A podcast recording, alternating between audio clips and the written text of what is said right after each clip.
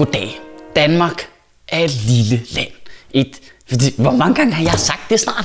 Hold kæft, det har jeg sagt mange gange. Men, altså, hvis vi, ja, så siger det flere gange, så skrumper vi jo. Men, men vi er et lille land, og vi er et sikkert land, og vi er et trygt land, og vi er et velstillet land, hvor problemerne er til at overskue. Selvom der findes mennesker derude, der vil have dig til at tro, at det hele det ramler sammen lige om lidt. Men hvis jorden er ved at gå under, så synes jeg, det virker mærkeligt, at politikerne har tid til at tage fire måneder på sommerferie. Også dem, der tror, at det hele ramler sammen lige om lidt. Og medierne, de keder så meget, at de begynder at lave nyheder om Pokémon og sådan noget. Vi har det rimelig godt her. Vi har det faktisk så godt, så når staten og skat og os alle sammen bliver svindlet for 19 milliarder kroner, så er vi bare sådan, eh, eh, oh. så har man det fucking godt. Vi har det så godt, at de danske medier rapporterer mere fra den amerikanske valgkamp, end de gør fra den danske. Og den amerikanske, den er ikke engang startet endnu. For hold nu, da kæft, de bruger lang tid på den amerikanske valgkamp, hva'? Shit, de dækker det meget. Altså uden at overdrive, så dækker de det i hvert fald lige så meget som den danske, og i hvert fald langt, langt mere end EU-politik og politik i de andre europæiske lande. Det er jo for sindssygt, at jeg kan navnene på alle de republikanske præsidentkandidater, men jeg kan ikke nævne en tysk minister ud over Angela Merkel. Det er fucked up. Vi er med i EU. Jeg ved mere om amerikansk politik, end jeg ved om politik i Frankrig og Tyskland og England. Jeg vidste ikke, hvem Marissa May var, før hun blev premierminister i England. Jeg havde, jeg havde ingen idé. Jeg vidste ikke, hvad hun gik ud på. Og det er bare, at jeg den almindelige nyhedsdækning. Det er da for sindssygt, mand. Hvis de lavede en EU-indfødsretsprøve, for at vi alle sammen, om vi skulle alle sammen skulle lov til at være. Så, så tror jeg, de fleste også danskere, vi, vi kunne godt pakke, pakke kufferten og fuck på den anden side af tolvmuren så. Arme Michael, USA er verdens stærkeste land og en tæt allieret. Det er vigtigt, vi ved, hvad der foregår. Ja, ja, det er jo ikke sådan, at sige, at man ikke skal digte. det. Det er jo ikke fuldstændig irrelevant.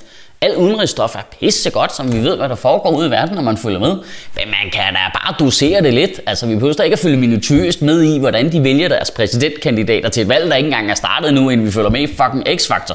Det er jo en form for vild med dans for kæmpe freaks i et andet land jo.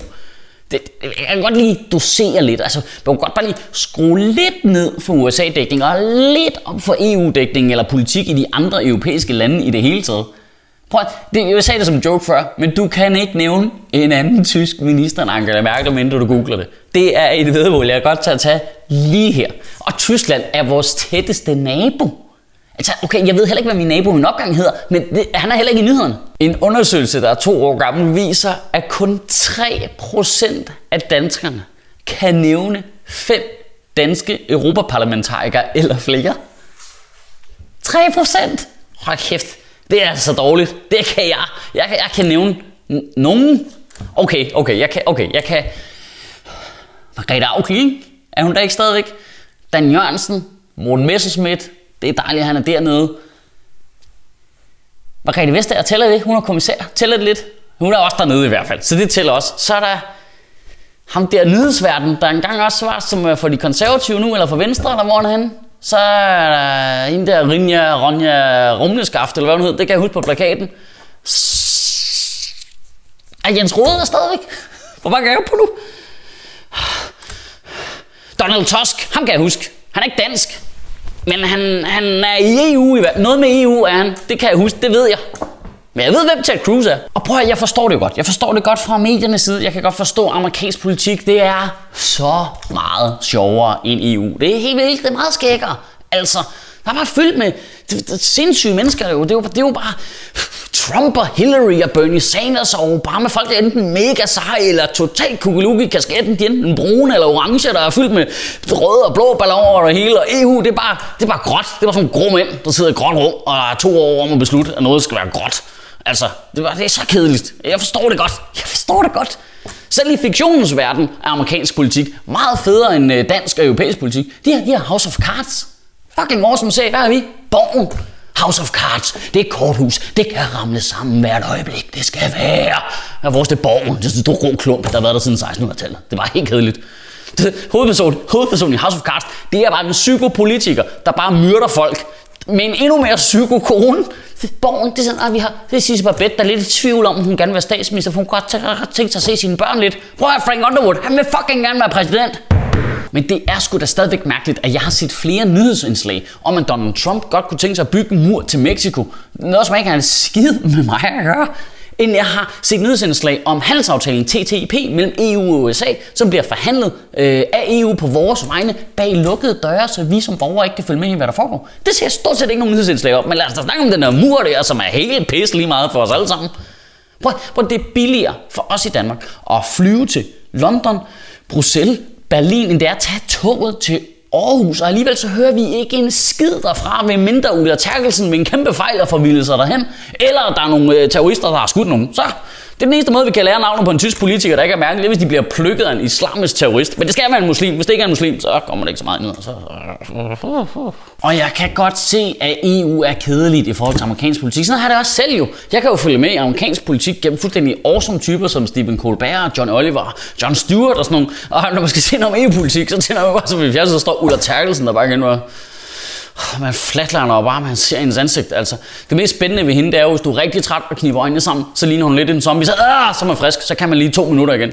Og jeg lige parentes bemærket vil jeg gerne lige nævne, at jeg synes, at Ulla Terkelsen og Mette Fugl, der rapporterer for EU, er fucking seje. Det er som om alle de der nye glatbarberede journalister, de har overladt det til de voksne og dækker om EU. Men problemet er, det er jo så også sådan, man har det som seer. Hver gang du ser Mette Fugl eller Ulla Terkelsen, så har man det jo som om, man bliver belært af sin mor jo. Altså, det, det, det er så uhipt, som det overhovedet kan blive. Men, men man ser jo bare Ulla Terkelsen og tænker, men jeg har jo ikke en Ph.D., så kan jeg ikke forstå EU. Hvornår kommer ham den store orange milliardær tilbage igen? Og nu ved jeg godt, du sidder og tænker, jamen Michael, hvis vi skal skal have folk, der er lige så underholdende, som emnet er kedeligt, til at rapportere ting, så skal vi altså have en abe med ild i, der jonglerer med usiger, der også er ild i til at fortælle os om EU.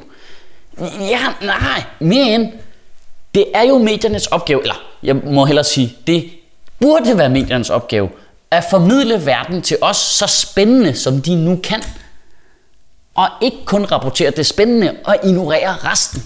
Og det er faktisk den undskyldning, som journalisterne selv bruger, når de skal forsvare, hvorfor de rapporterer så meget for USA, og ikke særlig meget for EU, der de siger, nej, men EU det er så det er nørdet og kompliceret. Folk kan ikke forstå det. Nej, det er rigtigt TV2. Ja, dumme, dumme, dumme danskere.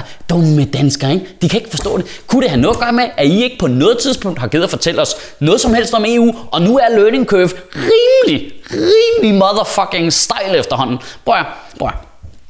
Der er 180 akkrediterede journalister på Christiansborg. Der var 650 akkrediterede journalister på Folkemødet på Bornholm. Der var 2.000 mediefolk på Roskilde Festival. Der er 10 i Bruxelles. Der er fucking 10 i Bruxelles. Og man får jo virkelig indtryk af, at den amerikanske valgkamp, den er fuldstændig ligesom Roskilde Festival for journalister.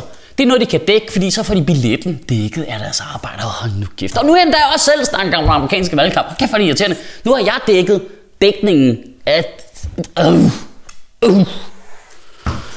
I ugen, der kommer, der synes jeg, du skal prøve at tænke over, om der kunne være en sammenhæng mellem den danske EU-skepsis og vores manglende informationer omkring EU. Tænker du, at vi som mennesker måske har en helt grundlæggende ting, der hedder noget, vi ikke kender så meget til? Det bliver vi skeptiske overfor. Siden 2018 danske EU-skepsis stødt steget. I den samme periode i den samme periode er mediernes dækning af EU-politik faldet med 40 procent. Mål på antal artikler og minutters indslag i nyhederne. 40 fucking procent mindre dækker medierne EU. EU står for cirka 80 procent af vores lovgivning. Kan du have en rigtig god uge og bevare min bare røv.